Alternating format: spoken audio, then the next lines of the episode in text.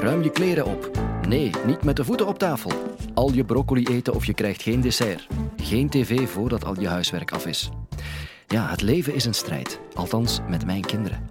En sinds er publiek wordt neergekeken op het geven van lijfstraffen en er nogal snel naar de maatschappelijk werkster wordt gebeld, weet menig ouder niet meer hoe die bengels aan te pakken. Wie dat wel weet, is ontwikkelings- en motivatiepsycholoog Maarten van Steenkisten. Hij ontrafelt de psyche van kinderen en redt ouders met deze podcast. Hoe zorg ik ervoor dat mijn kind doet wat ik vraag? Dit is de Universiteit van Vlaanderen.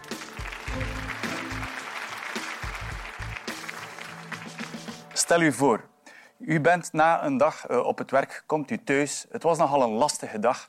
En u begint met koken. En die dag had u vis voorzien. En zo'n 45 minuten tot een uur uh, serveert u de vis. U vraagt aan uw dochter van vijf jaar om aan tafel aan te schuiven. En uw dochter schuift aan en de eerste reactie van haar is... Ah, bah, ik lust geen vis. Uh, kom, kom, niet overdreven. Hij zegt u, het is maar een klein stukje. Ja, dat is echt een groot stuk, reageert ze ontzet. Kijk eens. Babette, we gaan nu niet opnieuw ruzie maken. Als je straks geen, je vis niet opeet, dan krijg je van mij geen dessert, zegt u. Oh, maar dat is niet eerlijk. Jij probeert mij gewoon te lokken, is haar reactie. Jij lust toch ook geen rode kool? Nu schakelt u een versnelling hoger. Babette, het is vandaag geen rode kool op het menu. We eten vis. En je hoeft daar niet zo'n probleem van te maken. Je had het al drie keer kunnen opeten. Ik moet, ik moet, ik moet hier altijd van alles doen van jou. En Babette staat op, ze loopt van tafel en plots zit u daar alleen aan tafel. We zijn dus zeer ver van huis. Want de bedoeling is dat Babette vis gaat eten, maar eigenlijk moeten we emotioneel de brokken gaan lemen. Dit is denk ik een zeer boeiende vraag. Wat is onze vraag hier? Hoe kunnen we kinderen stimuleren, motiveren om iets te doen dat u belangrijk vindt? Iets wat u opdraagt. En dit is een kerntaak voor ons als motivatie- en ontwikkelingspsychologen om de volgende vraag te beantwoorden. Met name de vraag waarom mensen doen wat ze doen. Waarom zou Babette vis eten? Waarom zou ze daarvan afzien? En wat doen wij als motivatiepsychologen? We proberen een zicht te krijgen op die verschillende motieven of drijfveren van ons gedrag. Motivatie is afgeleid van het Latijnse werkwoord movere. In het Engels is dat to move. Wat brengt iemand in beweging? Wat is uw beweegreden om bijvoorbeeld op het werk een inspanning te doen? Wat zou de beweegreden zijn van kinderen op school om hun best te doen voor om het opgedragen huiswerk te maken? Of wat zou de reden zijn van Babette om vis te gaan eten? Dus in dat opzicht is die vraag naar motivatie een zeer breed toepasbare vraag. Een zeer algemeen geldende vraag. En bijkomstig bij die vraag naar de drijfveren van ons gedrag stellen we natuurlijk ook ons de vraag ja, maar hoe gaan we nu Babette stimuleren, hoe gaan we haar motiveren om effectief die vis te gaan eten? En die vraag naar het hoe, naar de manier waarop we kunnen iemand motiveren, brengt ons eigenlijk naar oké, wat is het fundament van motivatie? Als we dat fundament, de voedingsbodem van motivatie kennen, dan wordt die vraag natuurlijk veel eenvoudiger. En binnen het kader waarin wij werken, de zelfdeterminatietheorie, wordt dit fundament naar voren geschoven.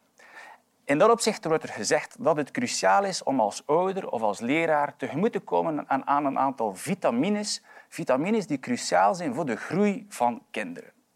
Ik spreek hier nu over vitamines en we noemen dat eigenlijk als behoeftes. En die behoeftes zijn dus het fundament. En we onderscheiden drie van die behoeftes. Ten eerste is het zo dat we een behoefte aan autonomie hebben. Ten tweede een behoefte aan verbondenheid en dan een behoefte aan competentie. En die drie behoeftes eh, zijn psychologisch van aard. Ik ben psycholoog en dus ik spreek eigenlijk over psychologische behoeftes. U heeft daar straks iets gegeten en gedronken. Wel, een aantal van uw fysiologische behoeftes zijn voldaan, maar ik spreek hier dus over psychologische behoeftes of vitamines. Een tweede belangrijk iets is, wel, dit zijn eigenlijk essentiële behoeftes. En daarom verwijzen we er ook naar als zijnde vitamines. Net zoals een plant water en zonneschijn nodig heeft om te kunnen groeien, hebben eigenlijk kinderen die vitamines van ons als volwassenen nodig om te kunnen groeien als kind. En dus in dat opzicht zijn het zeer essentiële voedingsstoffen voor de groei van kinderen. En tenslotte, het argument luidt dat deze behoeftes universeel geldig zouden zijn. Wat bedoelen we daarmee? Iedereen, elk van ons, elk kind, los van de culturele achtergrond, los van de leeftijd, uh, iedereen heeft dus eigenlijk deze drie cruciale behoeftes nodig. Nu, Laten we even kijken in welke mate dat die behoeftes zijn voldaan in het voorbeeld van het vis eten van Babette. Als we het hebben over autonomie, het is duidelijk dat autonomie hier de druk voelt om vis te eten. Ze moet vis eten. Ze heeft geen andere keuze. En dus autonomie betekent eigenlijk het gevoel hebben dat je jezelf mag en kan zijn. Ik heb het gevoel dat ik au serieus word genomen door een ouder, door een leerkracht. Ik mag mijn angst bijvoorbeeld tonen. Ik heb twijfel. Ik hoef dat niet te verbergen. Ik kan ook zelf mijn eigen ontwikkelingsproces in handen nemen en kan dus een aantal betekenisvolle keuzes maken in dat opzicht. Dat is autonomie. Ten tweede heeft u verbondenheid. Verbondenheid die natuurlijk zeer cruciaal is in de ouder-kind-relatie. Een warme, hechte band, een stuk intimiteit. U kan dat opbouwen door dingen met uw kinderen te doen, gezelschap spelen, uitstappen, waarbij de warmte groeit. En het is duidelijk dat ook in het voorbeeld van het viseten er zeer veel afstand groeit in die dialoog tussen het kind en de ouder. En de derde behoefte is er een aan competentie. En competentie betekent dat kinderen het gevoel hebben dat ze bekwaam zijn in de dingen eh, die ze ondernemen. Ze hebben het gevoel dat ze bijvoorbeeld schooltaken tot een goed einde kunnen brengen en dat ze dus effectief zijn. Eh, in het viseetvoorbeeld, denk ik, hoort Babette van mama dat ze eigenlijk een incompetente viseter is. Dus deze drie behoeftes die zijn zeer essentieel. Hoe meer dat je eraan voldoet, dan zal je kinderen zien die veerkrachtig zijn, die vol energie bruisen, die enthousiasme uitstralen. En onderzoek over Hans de Wereld bevestigt eigenlijk ook die universaliteitsclaim die hier aan de grondslag ligt. Dan natuurlijk rijst de vraag, ja, maar hoe gaan we dat nu concreet gaan doen in de praktijk? Want we hebben nu wel ons fundament van motivatie, die vitamines, maar hoe gaan we dat nu gaan toepassen in de praktijk? En uh, daartoe hebben we eigenlijk uh, binnen onze onderzoeksgroep aan de Universiteit Gent een uh, motiverende cirkel ontwikkeld. Een cirkel waarin er verschillende motiverende en demotiverende stijlen te onderscheiden zijn, zoals je kan zien op de figuur. En die cirkel fungeert eigenlijk als een kompas. En waarom verwijzen we daarnaar als een kompas? Omdat er eigenlijk bepaalde opvoedingsstijlen of motiverende stijlen zijn die wenselijker zijn dan andere.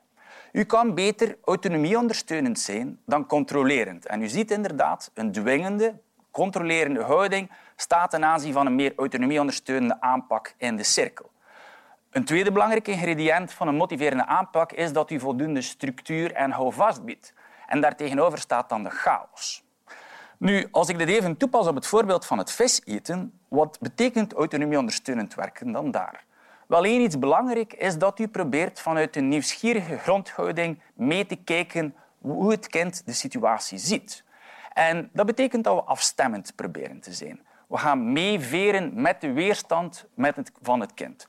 Dus in plaats van, in het geval van Babette, onmiddellijk haar weerstand onder de mat te vegen, ze kreeg eigenlijk de boodschap, ja, maar dat, je mag niet klagen, je mag niet protesteren, gaan we meeveren met die weerstand en kunnen we gewoon benoemen dat vis misschien niet lekker is.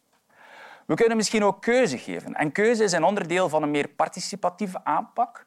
Keuze rond bijvoorbeeld hoeveel vis Babette gaat eten, met welke lepel ze zelf opschept, ehm, of dat ze kan kiezen tussen twee verschillende soorten vis. Dus je kan op allerlei manieren keuze inbouwen, waardoor ook de autonomie versterkt wordt en de bereidheid om inderdaad mee te werken. Nu, een van de angsten, een van de zaken waar leraren en ouders wel vaker rond bekommerd zijn, dat is eigenlijk, ja, maar als ik nu in dialoog ga met mijn kind en ik begin te onderhandelen, dan gaat dat hier al snel omslaan in een chaos. Ehm, ik ga eigenlijk de teugels moeten laten vieren en ik word een permissieve ouder. En dat is denk ik ook eh, een terechte bezorgdheid. U ziet in de cirkel dat de autonomieondersteuning kan omslaan in de chaos. En dat is niet de bedoeling. Het is niet de bedoeling dat Babette geen vis zal eten. De bedoeling is, ze eet vis. Maar natuurlijk, de manier waarop we het gaan doen, is cruciaal om al dat niet weerstand te ontlokken. En dus, naast autonomieondersteuning, hebben we ook de structuur nodig. De structuur slaat op het feit dat we bijvoorbeeld duidelijke richtlijnen hebben. Met name proeven is belangrijk in ons gezin bijvoorbeeld. En u houdt ook vast aan die richtlijnen. Natuurlijk, in het vasthouden erbij wel kan u ook overhellen naar de druk. U kan druk plaatsen omdat u zodanig vast probeert te houden aan de afspraak zijnde proeven van de vis. En dus structuur heeft één belangrijk element, is duidelijk zijn over wat u verwacht. Een ander iets is dat u begeleiden bent. En begeleiden betekent dat u probeert het proces, de ontwikkeling van het kind maximaal te ondersteunen. U biedt bijvoorbeeld hulp tijdens het maken van huiswerk. En het is wel vaker zo, en ik betrap mezelf daar ook op, in het begeleiden van mijn eigen kind bij het maken van huiswerk dat ik bijvoorbeeld zeer actiegericht ben. Ik ben daar onmiddellijk met een oplossing. Het zit vast, hier is er een oplossing. Maar eigenlijk soms zeggen de kinderen, ja maar papa, dat hebben we niet nodig van u. We hebben niet de oplossing nodig. En trouwens, het is eigenlijk mijn huiswerk. Jij bent, het is micromanagement. En we zitten dus op de huid van het kind en op een bepaald ogenblik zeggen de kinderen, maar je bent bemoeizuchtig. Blijf van mijn terrein. Dus het is een andere manier waarop de structuur kan overslaan in de druk op dat ogenblik. Nu, wat doen we eigenlijk in ons onderzoek? We proberen dan uh, eigenlijk die verschillende motiverende en demotiverende stijlen ook in kaart te brengen. Dus u kan een vragenlijst invullen. En als u zo'n vragenlijst invult als leraar vanuit uw rol als ouder, dan krijgt u van ons een gepersonaliseerd profiel. Waarbij je dus ziet hoe u scoort op elk van die zones. Dat kan u bijvoorbeeld zien in deze figuur aan de hand van die spinstructuur. Wat is nu het gemiddelde uh, patroon dat naar boven komt drijven? Wel, ouders en leraren zeggen eigenlijk, ik ben een supermotivator. Ik, ik ben autonomieondersteunend, ik ben de kampioen in de structuur, en demotiverend zijn, dat doe ik eigenlijk niet zo vaak. Uh, druk plaatsen, nee, dat overkomt mij niet zo vaak. En zeker niet de chaos. Natuurlijk, dat patroon, dat is maar de vraag hoe kinderen daar naar kijken. Dus we stellen dezelfde vragen aan uw kind, we stellen dezelfde vragen aan de leerlingen. En dan vergelijken we eigenlijk uw scores met de scores van de kinderen. En dan is natuurlijk de vraag, ja, maar wat komt er dan bovendrijven? En dan zien we eigenlijk systematisch een verschil. Je ziet hier de gele spinstructuur wijst op de antwoorden, de gemiddelde antwoorden van de kinderen. En de kinderen zeggen dan eigenlijk, ja maar, ja, maar papa en mama, ja, maar juf of meester, u bent niet zo motiverend als u beweert te zijn. U dicht uzelf meer motiverende kwaliteiten toe dan wat het eigenlijk is in de realiteit. U bent zelfs meer demotiverend dan wat u het zelf dacht. Wat is er nu natuurlijk belangrijk, is niet zozeer dat wij volwassenen zeggen dat we motiverend zijn, Nee, de perceptie in de ogen van de kinderen is natuurlijk een veel doorslaggevendere factor dan datgene wat we denken te doen. U kan dan wel denken dat u geluisterd heeft en keuze geboden, maar als het niet zo wordt ervaren, ja, dan, dan bent u niet motiverend op dat moment. Dus die discrepantie, die kloof tussen wat we zelf beweren en hoe we worden ervaren, is eigenlijk een spiegel dat ik u wil voorhouden. Een spiegel die misschien ook aanzet tot verder interesse in dit thema en een bereidheid om eigenlijk ook iets aan uw eigen stijl te gaan doen. Dat brengt mij terug tot de openingsvraag van daar straks. Uh, hoe zorg ik ervoor dat ik mijn kind uh, doet wat ik van hem of haar vraag? Ik vind denk ik, die vraag is iets te eng. Want natuurlijk ook druk plaatsen op kinderen, bijvoorbeeld door te dreigen met het afnemen van een dessert, uh, dat kan een effectieve strategie zijn om kinderen vis te laten eten. Maar we willen eigenlijk meer van alleen van kinderen dat ze slaafs in de pas leren lopen. We willen graag dat kinderen uitgroeien tot veerkrachtige personen die zich goed in hun vel voelen, die authentiek functioneren en meevoelend zijn. En daartoe zal u meer moeten doen dan alleen druk plaatsen. U zal meer moeten doen dan alleen de regels vasthouden. U zal moeten ook investeren in die vitamines.